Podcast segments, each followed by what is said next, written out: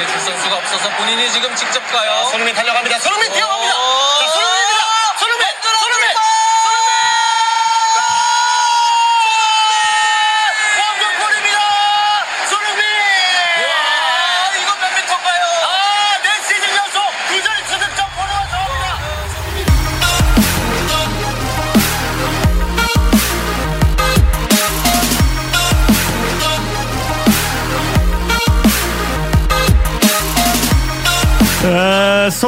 Sånn eh, scoring. Var det årets mål, eller var det kun en eh, hype?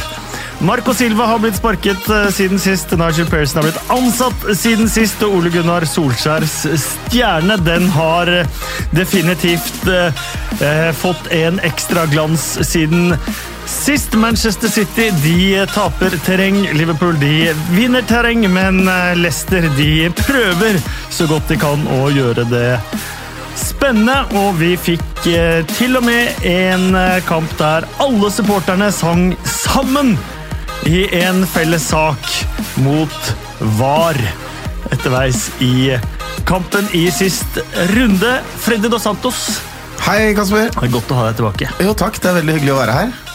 Inn fra kulda, for jeg frøs veldig da jeg kom hit i dag. Men her inne i varmen hos dere, her er det fint. Her er det så varmt. Espen Mehn, Hei. har du kosa deg uten meg i det siste?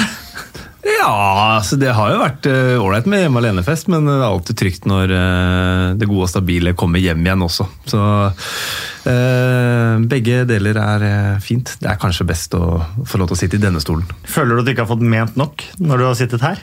Eh, med deg? Nei, når du har sittet her sånn. uten meg. Oh, ja, nei, eh, jo, jeg har ment nok da og fått nok Hæ? motbør, så det er deilig, det. Deilig det. Eh, så du på Manchester Derby i helgen? Ja, det gjorde det. Uh, det var gøy, det. Manchester City 1, Manchester United 2. Ole Gunnar Solskjær han ekspederte først José Mourinho og Tottenham, og så Pep Guardiola og Manchester eh, City. Og fra å gå og være en av de managere som han eh, hadde usikker bak navnet, så har vel stjernen nesten ikke vært høyere siden han slo PSG. Nei, Det er jo vel fortjent. Altså, det er to kamper hvor han virkelig ble satt opp til eksamen. eh, Og leverte så det dundra i, i begge. Eh, Så det var eh, en, en fornøyelse å se på for alle som har hjerte i, i Manchester United. Og det, han gjorde det liksom litt sånn overbevisende på en sånn, sånn måte hvor han, det, det var helt sånn tydelig at han hadde kampplan. Eh, Spesielt den kampen mot, eh, mot City, hvor jeg syns de de var knallbra og straffa City der hvor de har mulig å straffe. Eh, Og det, det var eh, imponerende å se. Men det kunne jo vært mer enn 2-0 da 2-0-skåringa kom. Ja, det burde jo kanskje vært eh, 3-4. Eh, Helt enig med Freddy. Det er jo, kampplanen sitter jo perfekt. og det er jo eh, det er vel to måneder siden nå, eh, den Newcastle-kampen som vel var kanskje bunnpunktet for eh, Solskjær. Jeg syns han sto ekstremt rakrygga etter den kampen i alt han sa og foretok seg, og høster frukten av det nå, så det, det er veldig fortjent. Mikael Johansen på Twitter spør hvilken var den enskilde viktigste taktiske brikken Ole gjorde. Jeg klarer å sette fingeren på hvordan han eh, tok luven av Pep Guardiola. Jeg syns jo de, eh, de rommene som City vanligvis klarer å utnytte og være så gode på, da. eh, De er, de er så gode til å spille seg gjennom inn i leddet mellom eh, eh, motstanderens eh, forsvarsledd og midtbaneledd. Hvor jeg tenker at de Man kommer gjerne til assist helt nede ved dørlinja hvor de slår ut, men derfra hvor de slår disse stikkerne inn i bakrom, for de klarer å true bakrom selv fra Selv om motstanderen ligger inne i egen 16-meter, så klarer jo City ofte å true bakrom helt ned mot dørlinja, men da må pasningene komme fra måte, området sånn rett utafor 16-meteren. Da syns jeg liksom ikke at City fikk kontrollen noen gang, hvor de fikk de rettvendte spillerne inn mot uh, United sin bakre firer. Og da, da var det en sånn, i den grad man skal kalle det, men en takknemlig oppgave å være eh, midtstopper og back eh, hos United, fordi midtbanen foran der var veldig god til å dekke de rommene som, som City ønsker å trø. McTominay og Fred. Ja, McTominay er jo nøkkelen. Eh, stjernen hans har jo bare blitt eh, større og større og større de to ukene han ikke spilte. Eh, når Pereira og Fred spilte sammen der, for det er sjanseløst, de to sammen. Men McTominay fikk jo også nå Nå spilte jo Fred sjøl, han spilte veldig bra, men han er jo så god fordi han har McTominay ved siden av seg. For Manchester City et steg fram og to tilbake hele veien denne sesongen. Er de liksom selvimploderende? Ordner de sin egen, eh, egne nedturer denne sesongen? Ja, men klarer man, så klarer man liksom å være verdens beste lag nesten sånn spillemessig i, i så lang tid? Altså for Motstanderen vil jo etter hvert finne noen mulige trekk også, så er det det å ha den sulten hele tida. Det er jo vanskelig. eh, Og så har du jo, som jeg har snakket om tidligere, det er de har noen viktige brikker ute og som gjør at de må endre litt i laget sitt. Flandinho må spille stopper osv. Når de ikke er på sånn 100, de heller, så er de faktisk menneskelige, de òg. Mm. Uh, ja, i den grad man skal si det, men det er nat litt naturlig over det også. Men med tanke på lag speiler manageren, er det mange som, eh, som sier. og Vi har sett Pep Guardiola ofte klikke i vinkel over dømmeravgjørelser og, og andre sånne ting. og det ser vi jo det syns jeg spillerne i større og større grad gjør på banen nå. At de på mange måter blir satt ut. De får ikke hensen de mener de skal ha. Manchester United får straffe. Og du ser plutselig et Manchester City som er i litt ubalanse. Grunnet utenom eh, Ikke utenom sportslig, men andre ting enn en akkurat spillet. Ja, de er jo ikke untouchables lenger. Altså, det, når Wolverhampton drar til Etiad og vinner, så, så kan alle andre gjøre det. Ja, selvfølgelig ikke alle andre, for Wolverhampton er veldig gode. Eh, Men eh, Newcastle spiller jevnt med, med, med Manchester City og, og gjorde mye av måte, det samme som det United gjorde i Manchester United gjorde i går. altså Veldig kjapt når de vinner ballen, så, så får de, klarer de å spille av det der gjenvinningspresset som heller ikke sitter for Manchester City nå. Det, det er jo med slitasje å gjøre, det er jo sykluser. altså Du klarer ikke å være på topp så lenge. Det er jo samme med Barcelona-utgavene til Pep. Det, altså, det, det tar jo slutt en gang. Eh, og med den kampbelastningen som er. og så Det er rart å snakke om en tynn tropp i Manchester City, men i, visse posisjoner så er den jo tynn. Eh, Var det naivt eh, at de lot Vincent Company bare legge opp eh, uten å erstatte han? Og når de da får Laporte-skaden, så er de plutselig i deep shit? Ja, men De skyldte litt eh, Vincent Company å få lov til å gjøre det han mm. hadde mest lyst til. Eh, Så sånn sett skulle de ikke handla, da? Eller tenkte liksom det, det kan man si at man skulle erstatte han på eh, bedre enn det de, har, eh, det de har gjort, men at Vincent Company fikk lov til å dra hjem og avslutte karrieren sin i, i Anderlecht, det, det syns jeg var noe han fortjente, og har opparbeida seg eh, eh, måte statusen nok til å, til å gjøre. Men eh, ja, kanskje det kan si at det er naivt, men så, så har de jo altså, gode midtstoppere, eh, og, og alle kan bli offer for skader. Har de egentlig det? Kjempegode midtstoppere. Nei, kanskje ikke så samme med van Dijk eller eh, i den klassen der, så har de kanskje ikke det, da. Men så har de jo klart å levere sånn som de har gjort med de stopperne de har hatt over år. Så at de ikke er gode spillere, det er landslagsspillere i forskjellige land, dette her, så eh, Ikke Laporte! Nei, det er helt utrolig. ja, det er helt utrolig. De har verdens beste midtstopper som ikke er landslagsspiller, kan man si. Eh, så Nei, jeg tenker bare Med Company så spilte han den uh, våren forrige sesong, da de måtte vinne og Liverpool vant hver eneste kamp og de vant hver eneste kamp, så var jo Da var Company førstemann på laglista til Guardiola. Mm. Og det er, men det er jo som Freddy sier, det er jo, de kan, burde jo ha latt han gå. Det er helt, det er helt fint. Eh, han fortjente den svanesangen der. og Det er jo greit at det siste han gjorde var å banke den i krysset mot Leicester. Altså, du, du får ikke noe bedre avslutning enn det. Eh, og så hadde tida tatt den igjen, selvfølgelig. Eh, dro på åra og sånt noe. Men de burde jo kjøpt i sommer. Det, de kunne jo henta, jeg har sagt det før og kan si det igjen, Toby Alderweireld kosta 25 millioner pund i fjor sommer. Koulibaly. Eh, Koulibaly hadde nok kosta fire-fem ganger så mye, men eh, det hadde jo ikke City råd til. De har fått, eh, det var jo helt tydelig at de hadde ikke råd til å hente Harry Maguire. Eh, så kan man tro hva man vil om det, men eh, da hadde man i hvert fall en budsjettløsning i en landsmann av Company som, som helt sikkert ville gått til Manchester City hvis han hadde fått tilbudet. Stadig oftere dette spørsmålet på Twitter. Dette fra Benjamin Dale Hosum. Hvor lenge blir Guardiola i City? Sannsynlig at han kan få sparken i løpet av sesongen? Jeg har lyst til å si han kommer nok ikke til å få sparken, men jeg tror han er ferdig etter den sesongen. Ja, Det er ikke noe dårlig tips, det der. Han har jo tendens til å liksom søke nye utfordringer. og sånn da. Eh, Så har han jo det der som han ikke har klart å oppnå i City. da, Denne Champions League-drømmen liksom som henger i det fjerne der. Så jeg skal si, dersom han klarer det, så tror jeg han uansett Da, da beveger han seg videre. Men det er nok litt med såra stolthet han gjør det dersom han sannsynligvis nå ikke får eh, Premier League-gullet, og hvis han heller ikke skulle klare å hente igjen den eh, første trofeen i Europa til, eh, til City der, så, så ja. Jeg, jeg er enig med deg, jeg tror han er ferdig uansett. Og da kommer jo Jakob Berges spørsmål inn på Twitter. Bør Pep gå all in for Champions League utover våren, nå som Premier League ryker og topp fire er svært realistisk? Ja. Da ligger jo, som han sier også, Laporte og Sané an til å komme tilbake til playoffen i Champions League. Ja, det, det, vil, det vil jo være naturlig, men samtidig så er det jo også noe med det å, å ha momentum gjennom uka, altså ikke bare inn mot Champions League. Så kommer helt sikkert til å prøve å pushe Liverpool så lenge, og Leicester så lenge de kan, men, men eh, jeg tror nok vi får se noen prioriteringer eh, i Champions League-retning eh, i februar, mars, april, hvis, det går, hvis de når så langt. da. Vi drar sørover. Bournemouth 0, Liverpool 3. De har vunnet alle kampene bortsett fra én. Da spilte de uavgjort. ja. Eh, det, det er eh, Altså, det var jo en kamp. eh, veldig sånn arbeids... eh, vi bare gjennomfører, eh, og så går vi videre til neste. For Bournemouth hadde egentlig ingenting å stille opp med. Det var, eh, det var selvfølgelig skadeskutt Bournemouth-lag, men det var tynn suppe. Eh, og ja, Liverpool kontrollerte den kampen. Når de fikk det første målet, så var det egentlig avgjort allerede. Men eh, de er jo så solide, da. Kan bytte både to, tre, fire og sju spillere til, eh, mellom kampene og, og levere på den måten. Så ja, de har en eh, de har sånn momentum som gjør at de eh, at sånne kamper eh, hvor du alltid så på som et eh, bananskall for Liverpool tidligere, det er ikke det lenger. Ja, for de gjorde masse endringer til Everton-kampen, til Merseyside Derby, og så gjorde de masse endringer igjen til eh, Bournemouth-matchen, og så feier de over begge to.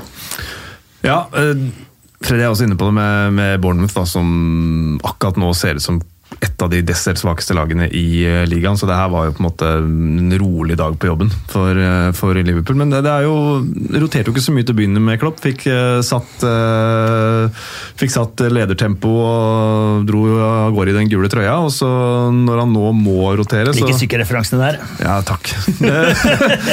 Kjørestyrke og sånn. Men eh, jo, altså, så er det jo veldig smart nå i løpet av en uke. Så får han hvilt Mané i denne kampen her, og så hviler han Firmino og Salah i kampen før. Og så er det tur til Salzburg og Brauten uh, i morgen.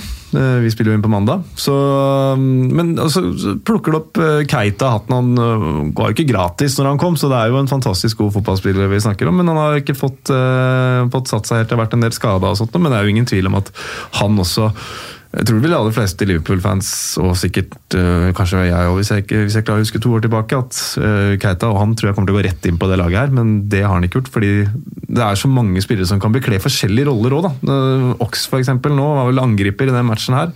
Um, og det målet det, målet til Oxlade Chamberlain oh, Det er så mange sånne årets målkandidater den runden her. Altså. Det, jeg elsker den skåringen der. Den er så bra satt av Oxlade Chamberlain. Altså. Det er, åh, Og det er- og den er prikk like par vi så mot, uh, mot Everton. Uh, men det der hadde Bournemouth full kontroll på helt til Nathan Ake måtte ut.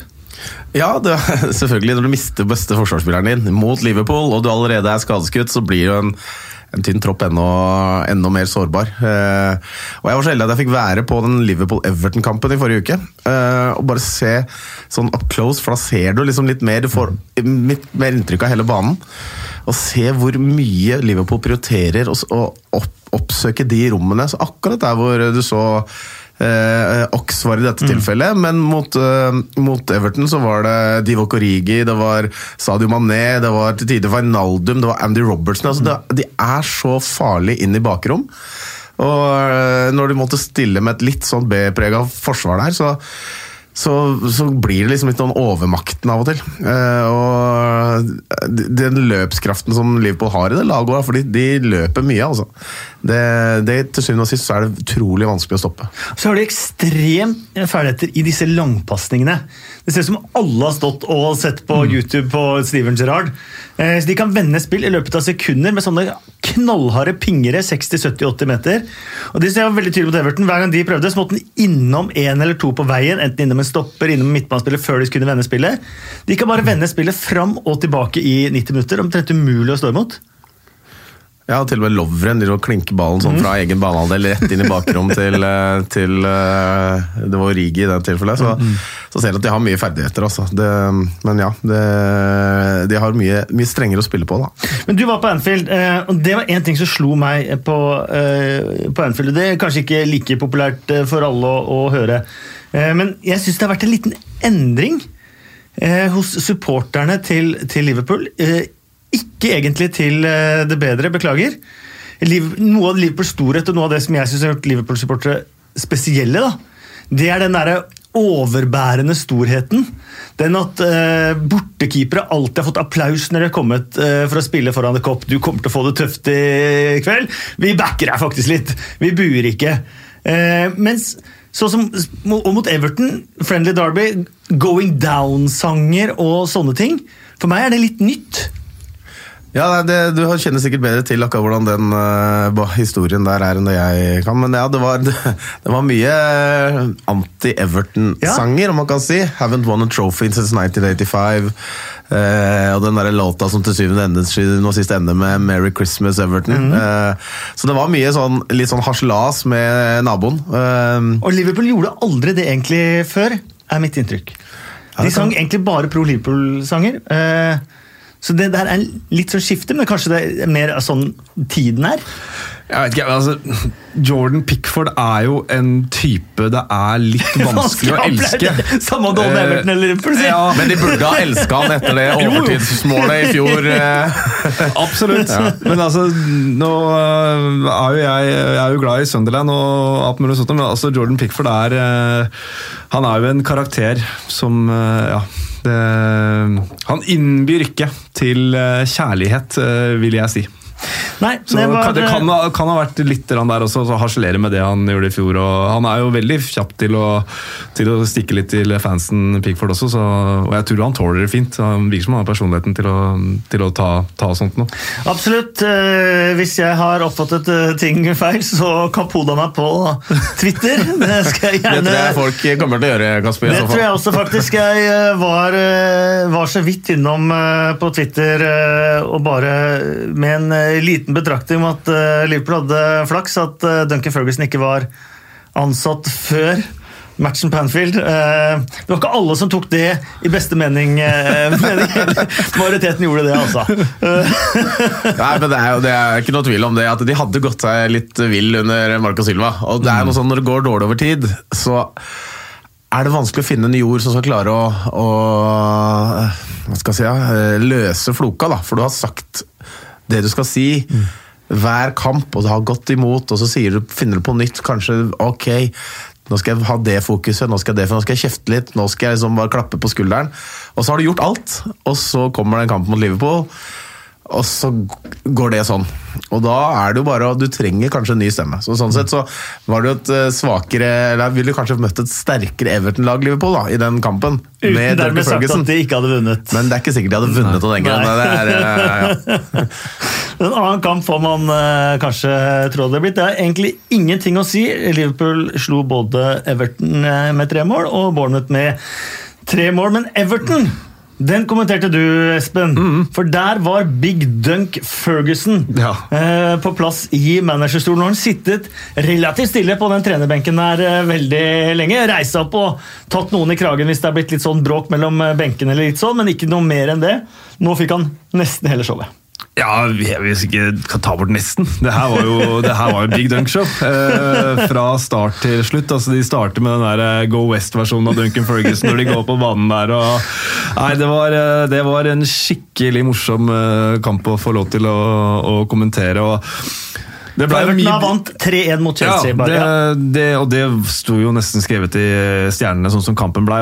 Jeg må jo ærlig innrømme at mye av forberedelsen gikk på, på Big Dunk, så det ble mye Big Dunk-videos og intervjuer og sånt noe uh, før dette her. og Uh, det var blant annet en sånn YouTube-hyllest på hjemmesida til, uh, til Everton. Var liksom som The proudest moments of Duncan Ferguson, hvor han snakker om den siste skåringa han uh, gjorde for Everton. Det var vel utligningsmål for uh, 13,5 år siden. Hvor han, han hadde ikke krefter igjen og skulle skyte straffespark med venstrebeinet sitt. Det ble redda, og så var den jalla-avslutninga med høyre som gikk inn, og sånt, og han bare orka ikke å juble.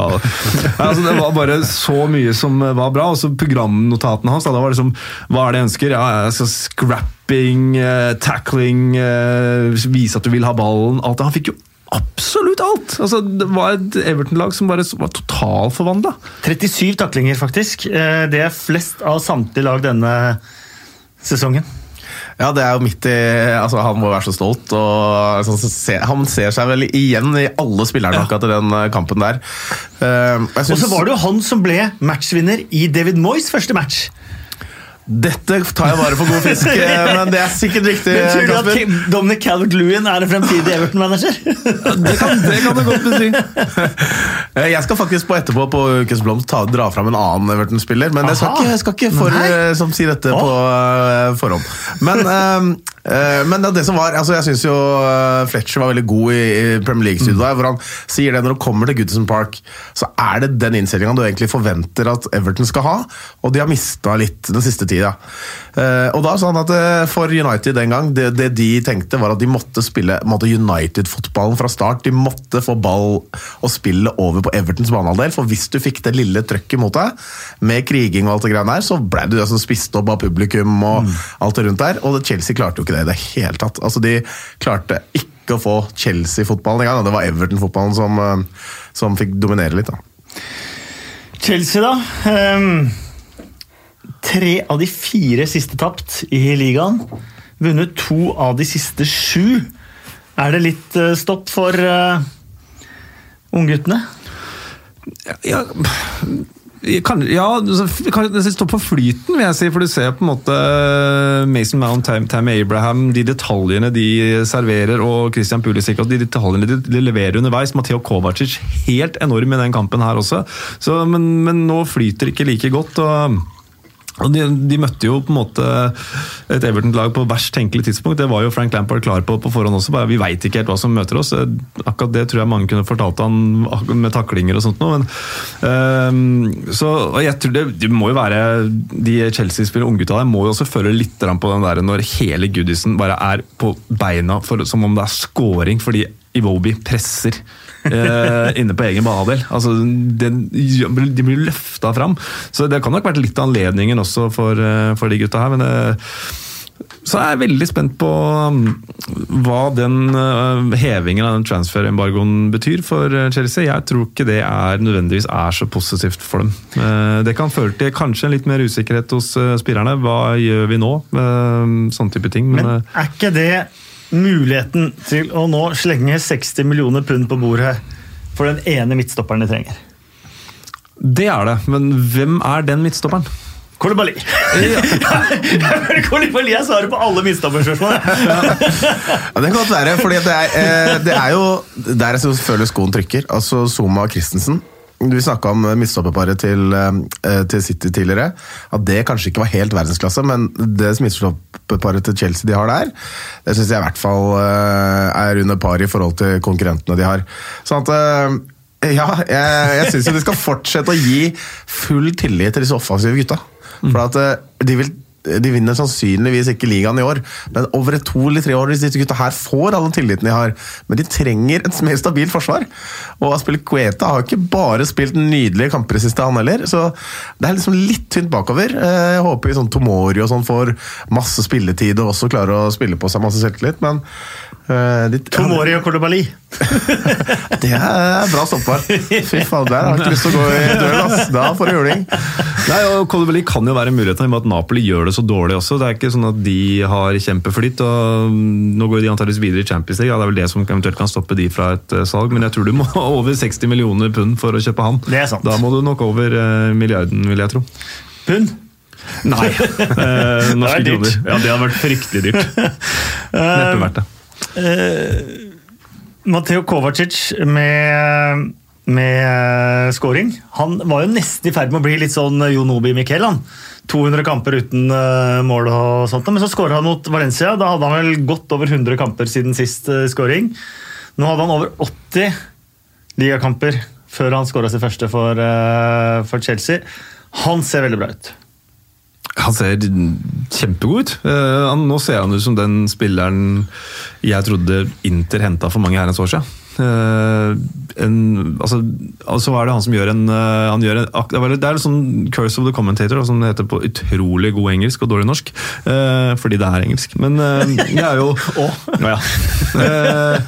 Men akkurat det å han har vært enorm i dag, liksom, da gjør han sin første feil. Og blir det, men uansett, han gjorde kanskje én eller to feil i hele kampen, og han, det var ganske høyt eh, vanskelighetsnivå på veldig mye av det han foretar seg. Norm ro med ballen. Uh, Skåringen er jo Skåringen er det er helt et mesterstykke. ja. Det er et mesterstykke, altså. Det Det er er, det en faktisk. knallhard innsidepasning på volley eh, fra 20 meter. Ja, men Kommentatoren sa det litt godt. Det ser ikke ut som han egentlig tror at det skal komme skudd. Derfor så føler jeg at uh, keeperen her reagerer litt sakte. fordi Det ser bare ut som han skal spille den. Det ser ikke ut som han gjør seg klar til å legge til på volley. liksom. Det var vel deg det som sa det? var, ja, ikke sant? det kan være. Utrolig bra kommentert. Ja, veldig bra. Så, ja, det var, det var sånn utrolig kult satt, egentlig. Det var, Oi, jøss, han satt den bare ned der, ja. Men har Big Dunk latt være å ta tak i kanskje det viktigste først, og det er å bytte keeper? Ja, Nå hadde jo Martin Stekelenburg på benken, da. Var ikke Løssel denne gangen? Det var det som overraska meg. Oh. Løssel var der, men han var jo den der som snakka med Nyland om, den tredjekeeperen. da, som Ja, for jeg møtte jo på Steklenburg eh, sist gang jeg var på Goodison Park. Da sto han og varma opp de to andre, andre keeperne. Ja. Tredjekeeperen er alltid den som, som har litt tid til å nikke borti de TV-folka som står der. Og, og sånt, det eneste som ikke er sånn helt fokusert på det de, de holder på med. Men er det sånn faktisk at de har tre keepere som er på banen der? Ja. Ja, ja. Det var ikke jeg faktisk klar over. Jeg har aldri vært del av et lag som har tre keepere på, På banen. bort, eller... bortekamper òg. Eh, Så Robert Green med Chelsea han hadde jo da i en alder av nesten 40 en hel sesong, var reiste rundt med laget, varma opp, dusja, satt seg i dress og satt seg på tribunen. Tenk for et liv, da! Helt nydelig! Det høres så deilig ut, faktisk. ja. Det er vel den jobben Scott Carson har nå, da, ikke det? I ja, Manchester er. City sitter der og koser seg. På, eller ikke alltid koser seg nå, kanskje, men Han koser seg ekstra. Ja, ja, han gjør det. Han gjør det. Nei, så jeg tror jo ikke eh, ja, Hvis vi skal bytte inn, bytte inn en keeper, så vil jeg bytte Jonas Løssel og ikke, ikke Det er Martin jeg helt eh, enig med deg. Eh, Gabriel Haaland eh, spør snakk litt om hvem som kan bli den nye Everton-manageren. da. Pochettino, Ancelotti, Moyes, Vitor Pereira er linket. eh, Men er det egentlig bare å gi Duncan jobben? Jeg tror ikke Pochettino går dit. Eh, han tror jeg har større liksom, siktemål enn det. Eh, ja, Moyes, kanskje det. Altså, det er litt sånn nostalgisk tripp sikkert for en del. Uh, Aldri ansett en manager som har vært manager før. Nei, det er litt problemet det også. Det er ikke ofte det, det er løsningen. Uh, nå tror jeg han får en sjanse eller to til, godeste Duncan, før, eh, før eventuelt den avgjørelsen tas. Men eh, ja, hva var det andre av alternativene dine? Angelotti har jo han Vitor Pereira. Hvor er han manager?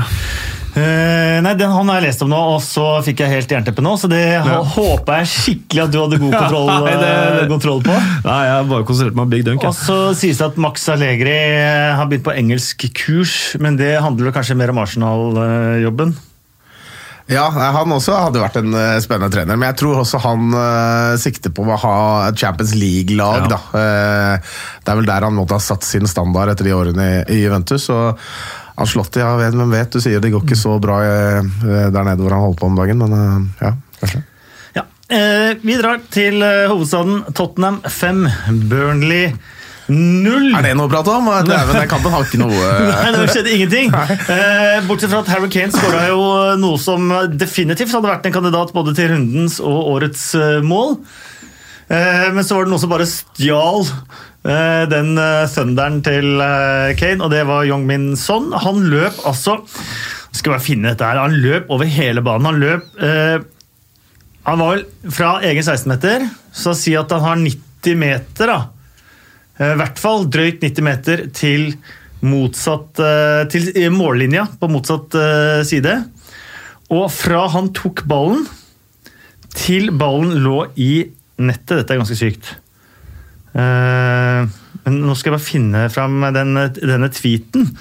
eh, Hvor det står at eh, Den er mistet. Ja. Så jeg beklager. Men jeg tror det var, jeg tror det var fra Lars Pe Peder Karseth Hellerud, og at det var snakk om 11,1 sekund. Ja. Han spurte jo ikke i starten heller. Føring med ball.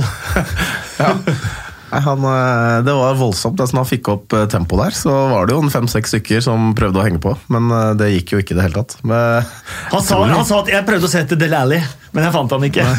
Han stakk, han stakk jo ut til venstre, så han dro, dro med seg en to-tre mann. Ja, det gjorde han.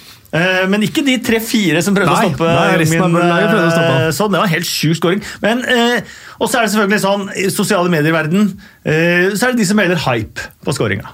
Du er tidligere fotballspiller. ja, hvordan kan man gjøre det? Altså, du møter eh, Altså Burnley er ikke spesielt lette å score på. De er Midtstopper gode. med landskamp for England. Ja, ikke sant? Eh, og så er det Og han går, Idet han starter her, så har vel eh, mange har de? Seks-sju spillere på rett side av ballen, eh, Burnley. Og så, og så bare tar han altså, Han bare leker med dem på et eller annet vis. Og det, jeg syns ikke det er hype i det hele tatt. Det er utrolig kul scoring, og som du ser veldig få av. Og kan dra paralleller til liksom Maradona og Mats Hansen, og det er jo ganske Det er jo helt sjukt. Det var veldig gøy den tweeten som Tottenham tror jeg la ut, hvor det står sånn én, ingen, nobody. To, nobody ever, på en måte. Så tre, eh, Hong Min Son.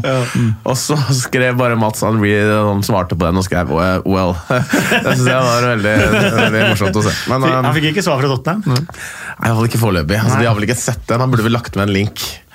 Ja, han la ikke med linken, nei. Nei, Nei, bare, var det han. For der syns jeg Tot sånne store klubber som eh, Tottenham og andre på Twitter burde være proaktive.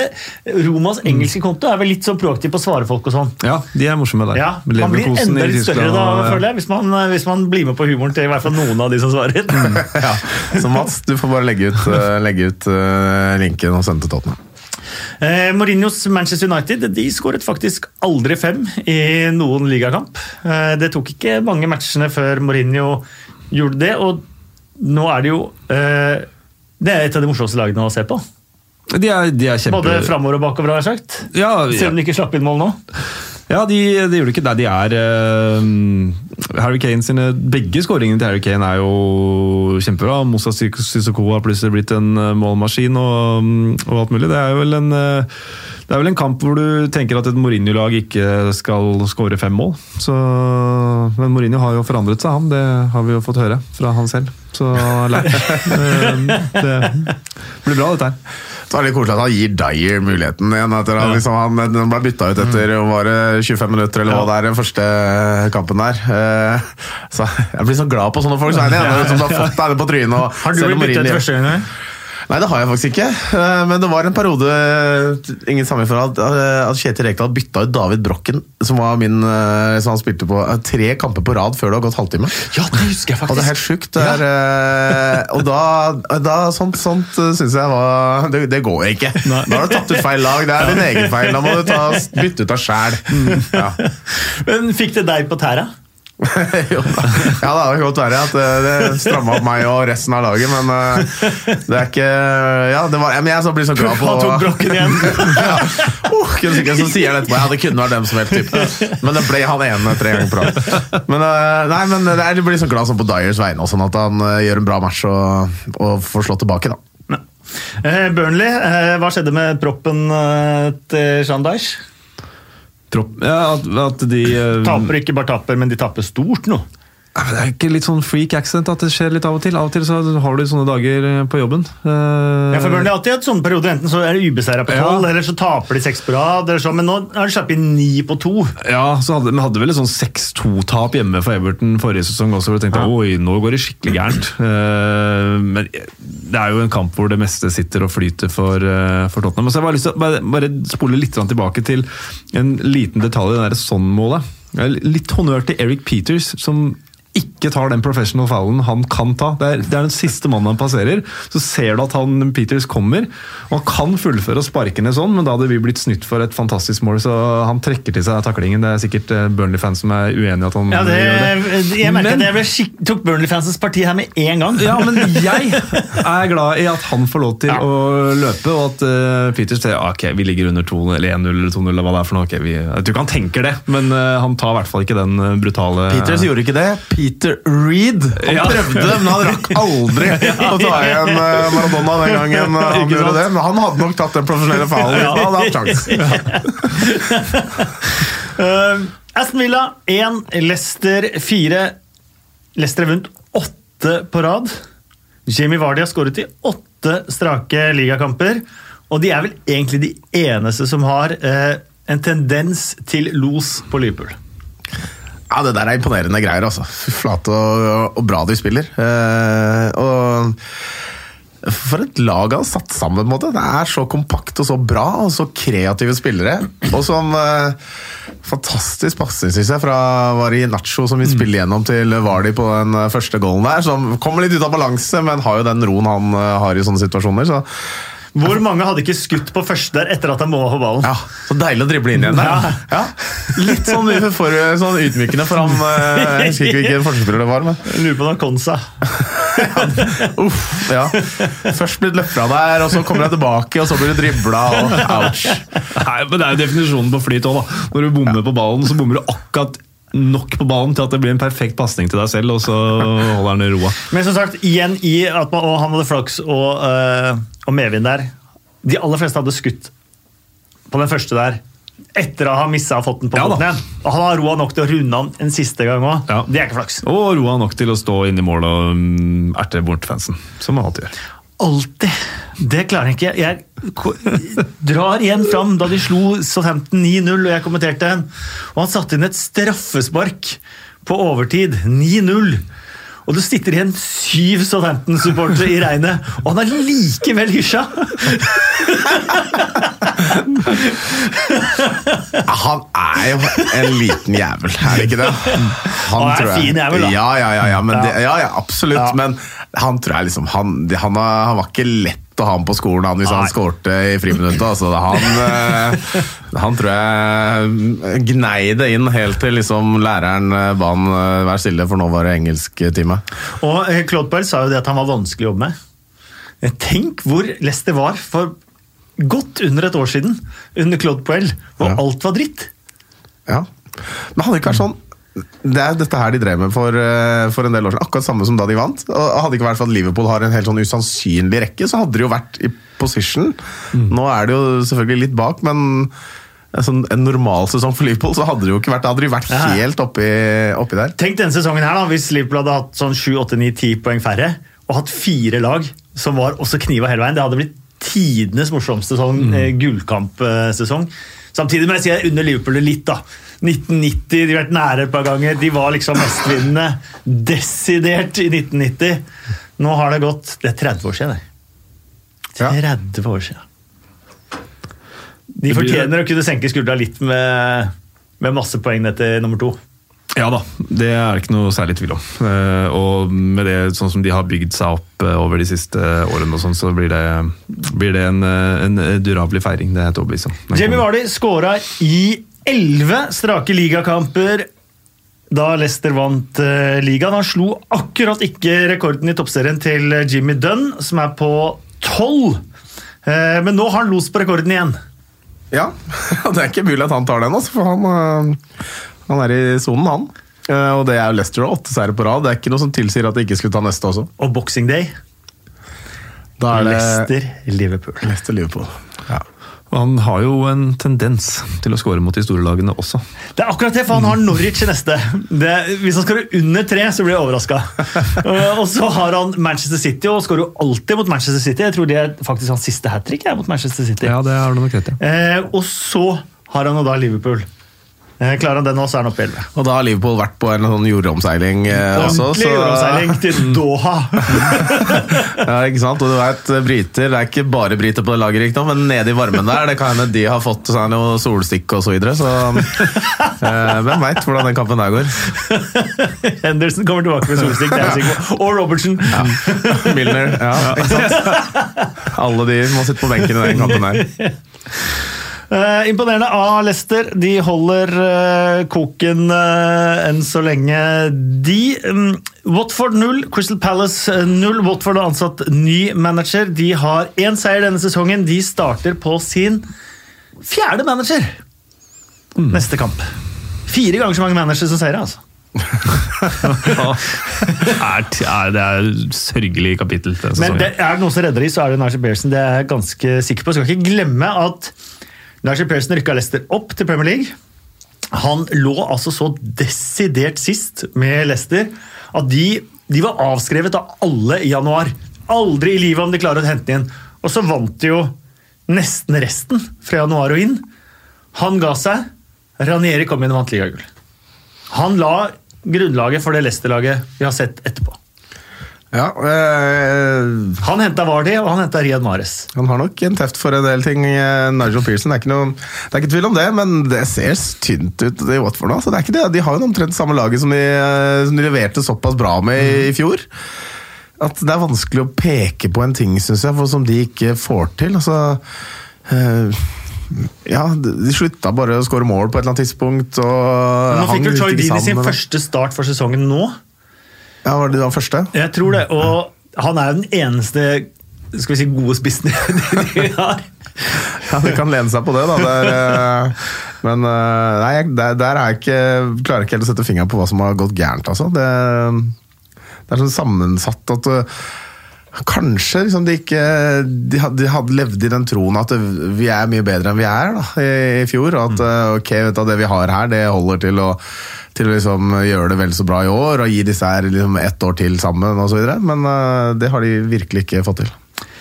Eh, Carl Oskar Lie Bjerke spør eh, Blir Nashi Pearson Watfords siste manager denne sesongen. Det tror jeg.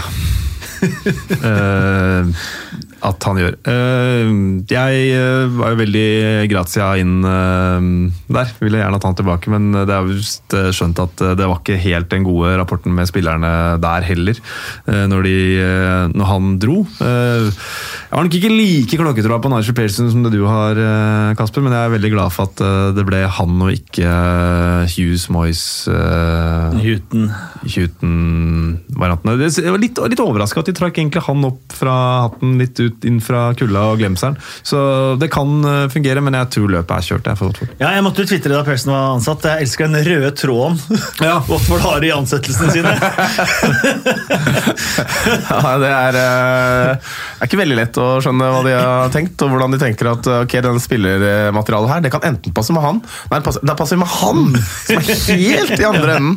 Så, men herregud, det, de må jo må gi det en sjanse, og det er jo desperat selvfølgelig i Watford om dagen. Syns litt synd på Hayden Mullins, for jeg har aldri hørt nesten en caretaker-manager Han er så klar over at han er et caretaker, men samtidig gitt så uttrykk for hvor mye han har elsket Ja. disse dagene her med å være manager liksom i fire dager. Ja, det, og det er en sterk kontrast til Duncan Ferguson, som var veldig sånn Han lot seg ikke lure ut på glattisen med tanke Ikke det på helt. Han var bare sånn her, eh, Det her er det største privilegiet privilegiet i livet mitt å få være manager eh, for Everton, og sånt, og selv om det bare er den ene kampen, og vi får se hva som skjer. og alt mulig sånt, For han har helt sikkert lyst til å fortsette det trenerteamet. Mm. Eh, Mens Hayden Mullins han er vel fort ferdig, kanskje. Newcastle 2, Southampton 1. Eh, nå må vi jo snart begynne å snakke om denne statuen av Steve Bruce utenfor Chelsea Park. nå, det er lenge til den vi lager, tror jeg. Men nå begynner, nå begynner det å i hvert fall eh, så vidt også nynnes eh, navnet hans på St. James' Park. Ja, Det er en kamel å svelge, det, for uh, Newcastle-fansen. Uh, men den tror jeg de, den er på vei ned halsen, i hvert fall. Uh, Den er det? Ja da. Du kan jo ikke altså Når det er to av de store heltene som har levert nå i to-tre kamper på rad med Carroll og, og Shelby også, så, så, så ser det jo unektelig veldig bra ut. Mangler bare at Almiron skårer mål, da. Han hadde en målgivende. ja, jeg vet det. Nå Ja. har de, på de tre siste kampene så har vel faktisk de gutta på topp der to målpoeng, og det er jo faktisk helt ellevilt i forhold til hva de har eh, gjort tidligere. Ny stopper ble matchvinner uh, nå, Ja. Federico Fernandes. Um, men Newcastle var dømt nedenom og hjem. Ja, de var, de var det. Og de gjør det veldig mye bedre poengmessig enn under Rafa Benitez. Ja, de, de ser jo så plutselig så ganske solide ut. Eh, og jeg, jeg, jeg ble jo så Syns som midtbanen med og Amin Hva heter han andre? Ja. ja, nei, han andre som har spilt nå i det siste. Hayden, Hayden, løper Ja. altså så mye. Han, jeg føler som han er overalt på den, eh, på den eh, banen der. Det var litt kult, det første målet. Jeg tror det er eh, Først å slå John Joe Shelby inn. Jeg tror det er i retning av, av Andy Carroll. Han Altså Hvordan han ender ute på siden der med ballen, og som vender og slår det sinnssyke innlegget eh, tilbake til Jojo Shelby, som har sniket seg på baki der. Det var et veldig kult eh, mål, egentlig. Men eh, Men Vi har sett venstrefoten til Carroll tidligere. Ja Den er ja undervurdert. Han har jo noen fantastiske volleyskåringer, men blant annet. Ja.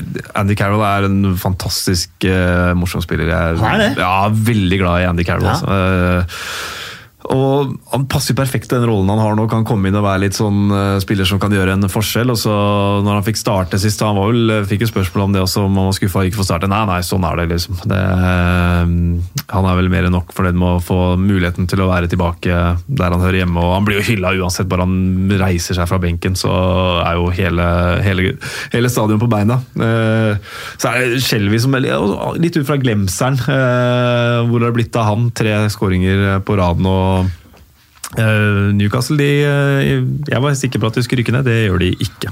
Det gjør de uh, ikke, og vi må prate bitte litt om studentene, som har vunnet to på rad og var ganske nære å vinne den her. og Såpass ærlig må man Ja. være. Men nå har Danny Ings ni mål på 16 kamper i ligaen. Han har skåret i fem kamper på rad. Han er litt sånn på rekorden Danny Ings også. Hvor mange ender han opp med å skåre, spør Adrian på Twitter. Og ni i ligaen nå. Mm. Eh, 15? Ja, jeg tror i hvert fall jeg klarer 15. Men Det er egentlig nok til å holde et lag oppe. ja, har du en spiss som leverer på det, det viset der, så, så, så er det supersterkt. Jeg, jeg, sånn, man skal ikke ha sånn ukjent helt-greier, for han er jo ikke det i det hele tatt. Men liksom, i et lag som er så svakt og scorer så mye, så er det en vel så stor prestasjon som det var de driver med, syns jeg. da. Som hvor det er et lag som flyter og kommer på sjanse etter, etter sjanse. Her er det som et lag som har eh, ofte spiller litt med ryggen mot veggen, eh, og så, og så scorer ni mål.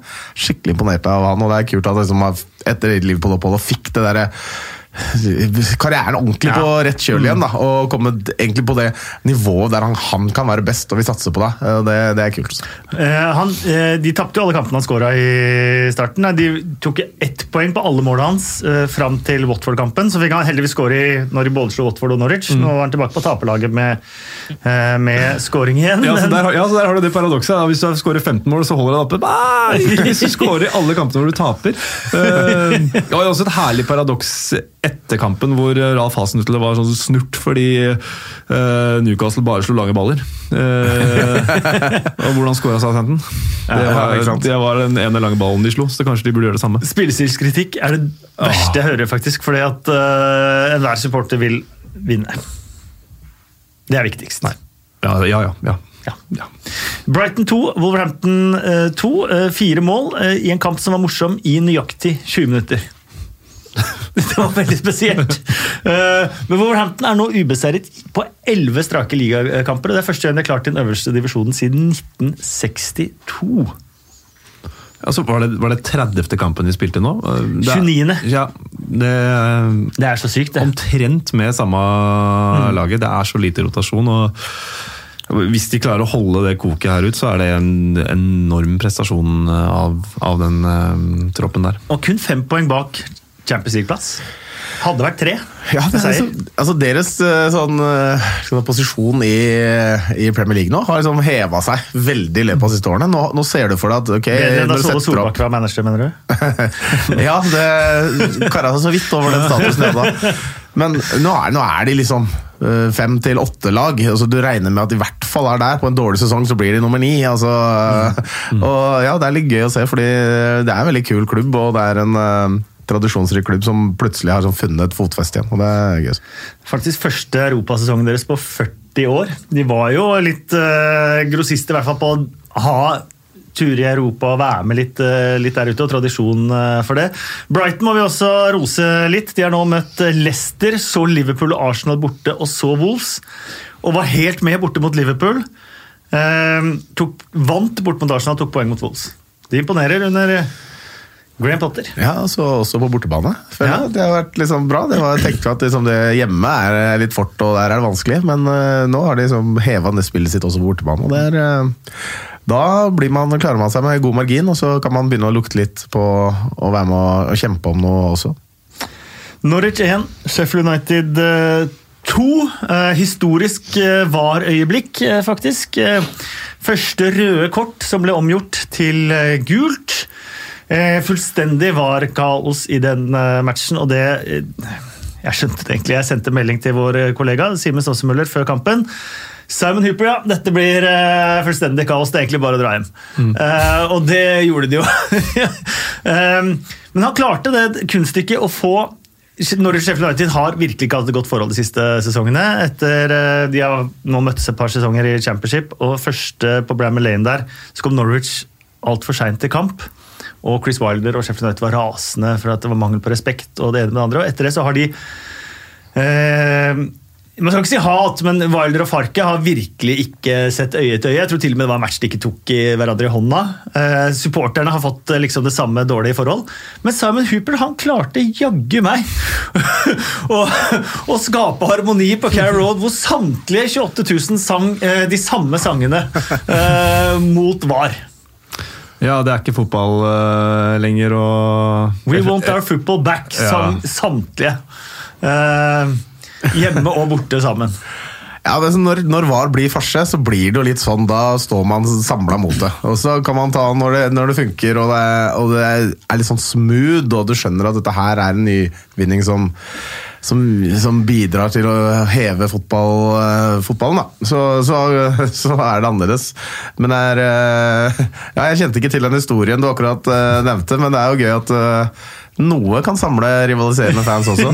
Synd at det er dette og ikke andre. Men her skal, vi, her skal faktisk VAR få slippe litt, litt unna, faktisk. fordi at dette her var jo Simon Hooper som lagde i stor grad selv. Ehm, Blant annet den skåringa Sheffield United blir snytt for, så klarer han jaggu meg å blåse før ballen er i nettet.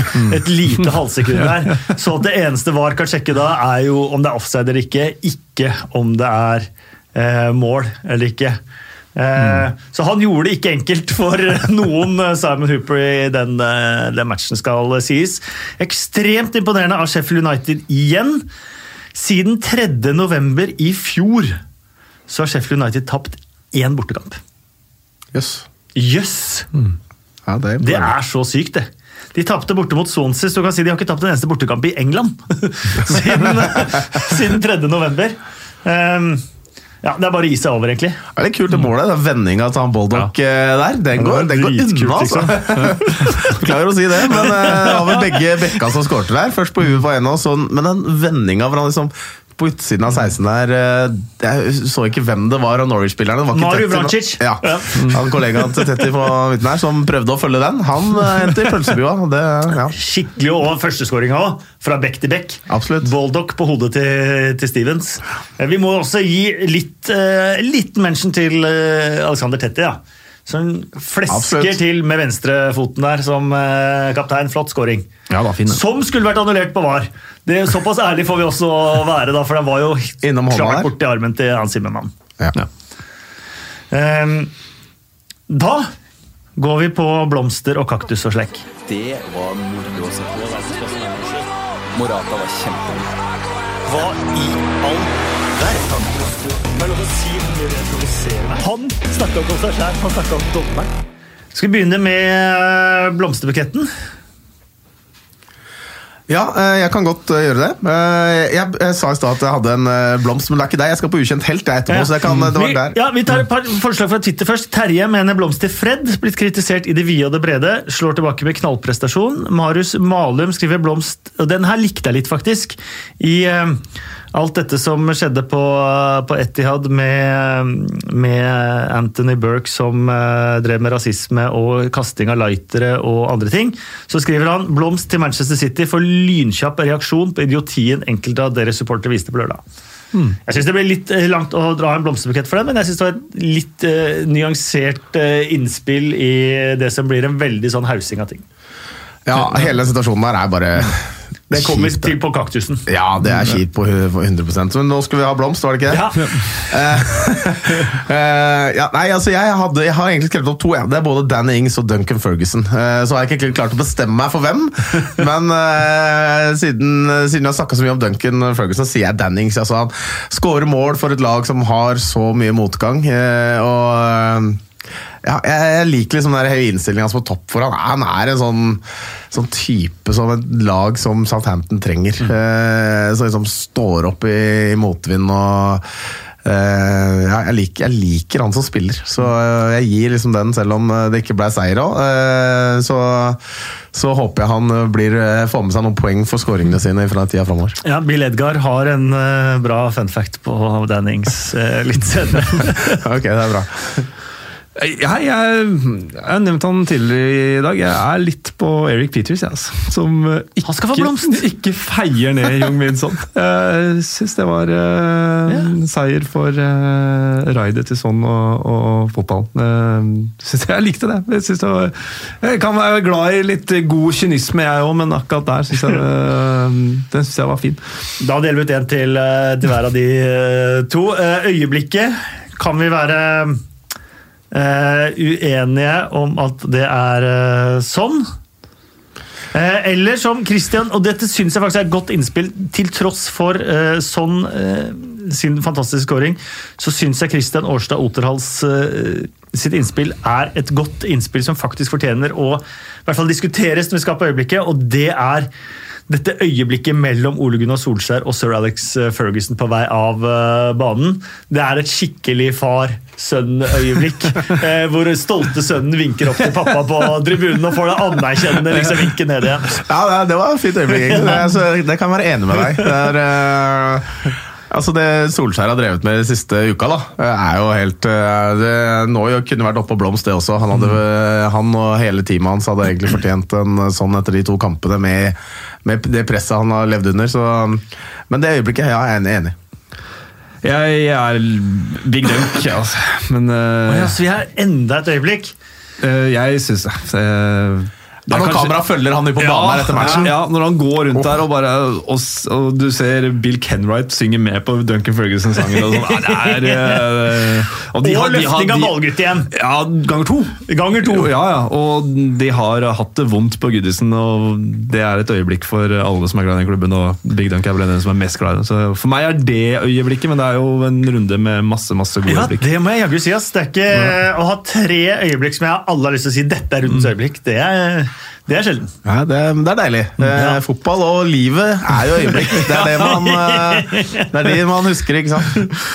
Eh, siden du er uh, sjeldnest her og på mange måter er gjest her, skal du få velge. Hva jeg skal ta nå? Ja, øyeblikk. Øyeblikk? Nei, da blir det Duncan Ferguson. Ja. Ja. Ja. Da får han øyeblikket. Da skal vi til den ukjente helten, og da har jeg da har jeg lyst til Jeg har lyst til å gå til Sheffield United. Enda Stevens, eh, som var oppe i Premier League med Aston Villa, og han var på en måte han var så langt fra eh, nivået så, så det er Noen ganger ser jeg spillere som bare Oi, han er, her er ikke god nok for å spille i Premier League. Eh, og så har han liksom tatt et steg og to ned. Eh, han var vel helt ned i League One da, med, med Sheffield United. Og nå er han en fullblods Premier League-spiller. Han er en så god wingback. Og det var nok ikke alle som så for seg det da han spilte i Aston Villa. Nei, eh, jeg så det var et forslag på Twitter om uh, Wingbeck-kollegaen hans, George Baldock. Ja, Han er litt det samme, da. Og er han, Ja. han er broren til han eh, Sam Baldock, som var et veldig stort spisstalent. Sånn lynrask spiss. Men som heller aldri ble noe. Han var vel i Brighton, og så ble det Ja. Milton Keanes, og så ble det ingenting. Eh, Men George, han klarte det. Ja, det er bra, det. Det er noen gener i den familien der, tydeligvis. Um, Men jeg skal også til Wingbeck. Eh, Det er kanskje fordi jeg selv var det, men eh, det er ofte de ukjente heltene, da. Eh, Men jeg skal til et annet lag. Det er fordi at, eh, som jeg sa tidligere, jeg var på Anfield eh, og så Liverpool-Everton. Og da var det en, da spilte riktignok 3-5-2, men da spilte på høyre wingback for Everton. Da spilte Jibril Sidibé. Han ble bytta etter 35 minutter. Han var helt ute å kjøre. Altså, han, han, de, han møtte Mané og Robertson i storslag ikke sant? og ble bytta ut. Hadde en helt forferdelig match. Og Så kommer han inn nå i kampen mot eh, Chelsea, får starte igjen i, som høyreback. Eh, har én assist, og den andre målet, det andre målet til eh, til eh, Everton. Det er han som igjen hindrer opp Jeg tror det er Kovacic som, som prøver å slå en passing, en gjennombruddspasning dypt inn på egen banehalvdel, egentlig.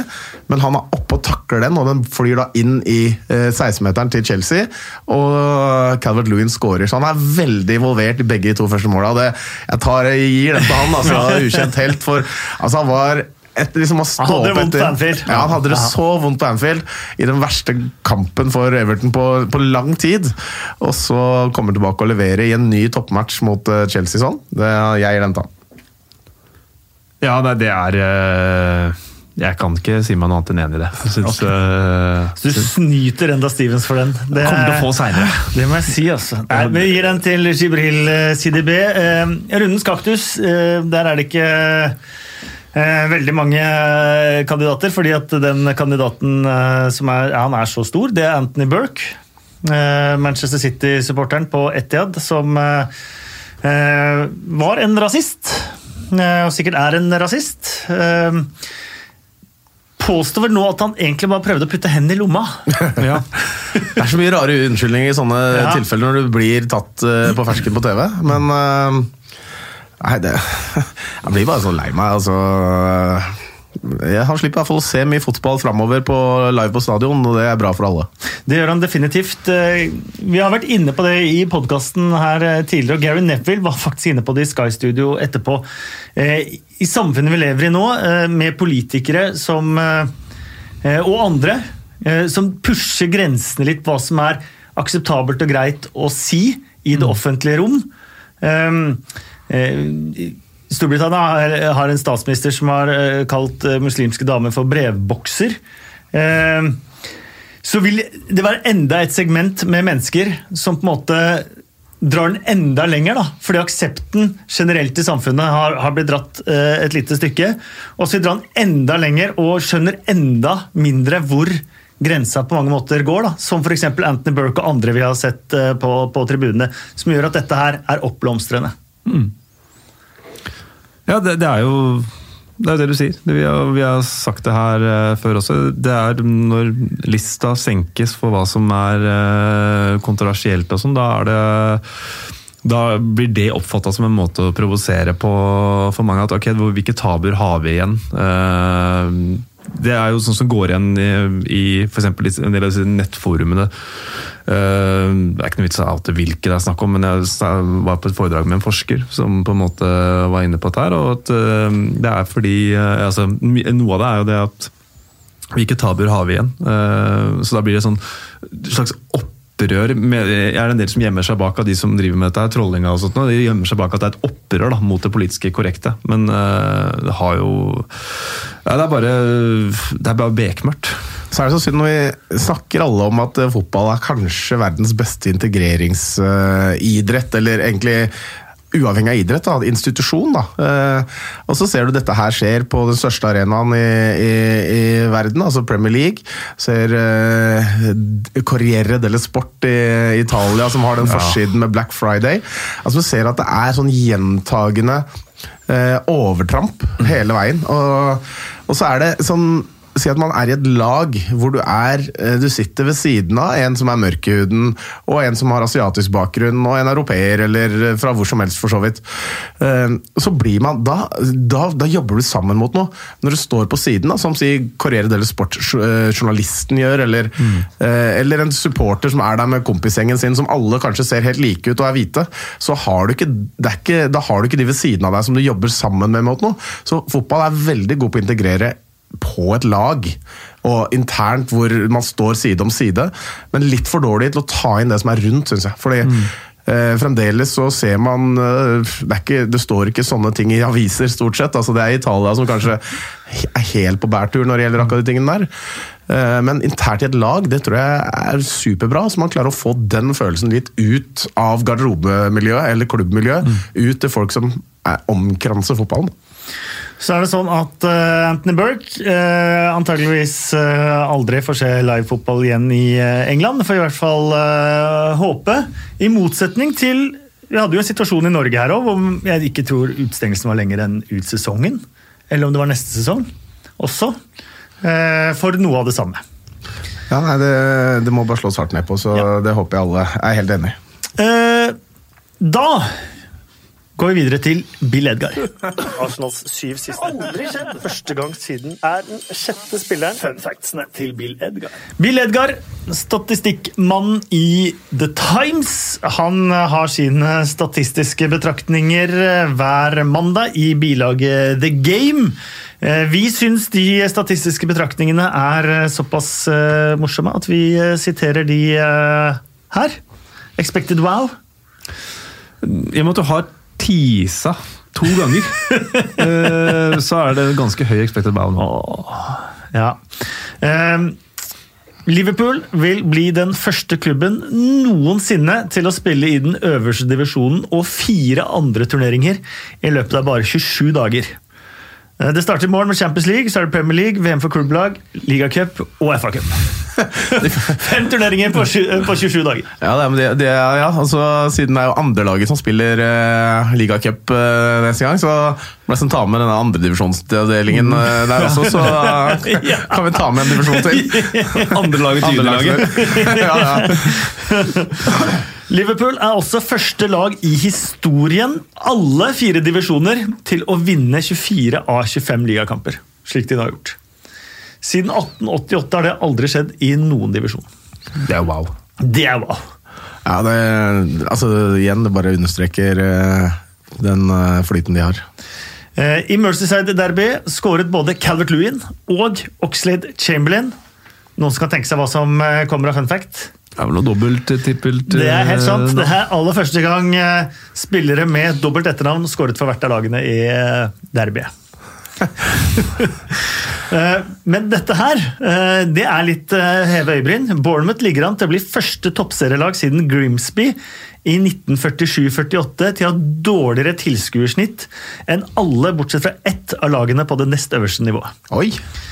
Eneste laget som har dårligere tilskuersnitt i championship enn Bournemouth, det er Luton. Og det er ikke mye heller. Bournemouth har 10.632 i snitt, Luton har 10.049 i snitt. Jeg så tenker at Luton, Hvis de klarer å heve seg litt nå, få en god sesong, så vil tallet stige. Mens Bournemouth sliter litt. Da, ja. Og så har vi Dan Ings. Han skåret igjen i helga, ja. Og han er første spiller i Premier League-æraen til å ha skåret i fem tap før jul. Åh. Altså, at de kan gjøre det så bra, og så kommer det på noe negativ statistikk. Fryktelige greier. Da, eh, før vi eh, takker helt av, skal vi ha fem kjappe spørsmål. Men vi minner jo om at eh, vi er på Twitter. To PL-pod heter vi der. Eh, har du funnet oss fram i iTunes, så er det skikkelig hyggelig om eh, du går inn igjen i iTunes når du har hørt ferdig denne podkasten og trykker eh, på fem stjerner og kanskje legger igjen en hyggelig kommentar. Eh, det liker vi. Og så eh, tar vi fem kjappe spørsmål. eh, før vi Vet du hva, vi skal ta en tweet fra Espen Tangstad først. Fordi det dukket opp noe merkelig med eh, Og så kommer fem kjappe spørsmål etter det. Eh, på, på, merkelig på eh, Instagrammen til eh, Dominic Calvert-Lewin. Han feirer målet sitt, eh, kysser klubbemblemet sånn at magen blir synlig. Eh, flott mage, for all del. Eh, men på Instagrammen til Calvert-Lewin så ble den magen enda litt flottere. Nei, Jeg har yes. Eh, Han spør er det første gang vi ser fotballspillere redigere magemuskler før de legger ut på sosiale medier. For dette her er dette er samme kameravinkel. Det er Ja, ikke eller, noe de, de er ikke helt like, så jeg tenker kanskje, kanskje han strammer mer på den andre, at man bare lagt i et bitte lite filter. da. ja, at det er, Da er det lov. Ja, det, det må være lov. Lite filter må være lov. En liten eh, skal, Hva heter det? Retusjering. Det er ikke så innafor. Han har fått en flott mage der på Instagram. Ja da, absolutt. Eh, og du vet, De andre gutta på laget de, de har sikkert noen sixpacks ut av ville Eh, Så ja, så han følte vel kanskje det presset da fra ja, Hvem tipper du som har best sixpack på Everton, bortsett fra da han i dette bildet? Jeg tror CDB er en eh, CDB tror jeg er bra. Holgate, eh, bra. Schneiderlin tipper jeg. Han er sånn slank som har markert eh, dette har du tenkt på? Tror du ikke det? Jo da, jo da, jo da når du sier det på den måten. Ja. Eh, Da tar vi fem kjappe spørsmål. Heter Manchester Citys manager neste sesong Pep Guardiola? Nei. Ja. Er Leicester bedre denne sesongen enn da de vant ligaen? Åh, den er tung. Vet du hva, jeg tror faktisk de er bedre. Så, som eh, spillemessig fotballag, ja. ja. Mm. Hva heter Englands beste spiss? Eh, altså ikke Premier League, men Englands. Englands. Det var Rashford, du har Kane, du har eh, Eh, jeg må Ja, jeg sier Kane. Kane. Ikke var de? Nei. Redder Nigel Pearson Watford? Dessverre, han gjør ikke det, men han gir et godt forsøk. Nei. Bør Duncan Ferguson få jobben i Everton permanent? Ja, jeg ble så glad. Freddy, tusen takk for at du kom innom. Ja, det var bare hyggelig, Kasper. Du også, Espen. Tusen takk for at jeg fikk komme. Hjemmekjær. ja, ja, ja, husvarm nå. Og tusen takk for at du uh, hørte på, og som sagt uh, hogg gjerne hodet av oss, eller oss, eh, bygg oss opp på, på Twitter. Det er uh, hyggelig. Og eh, ha uh, lykke til. Kamp husk kamp i kveld. Det er kamp i kveld, ja. Ja. Det er Western Arsenal. Mm, husk det. Ja. Uh, husk det. TV2 Sport Premium 1 og Sumo, takk for nå.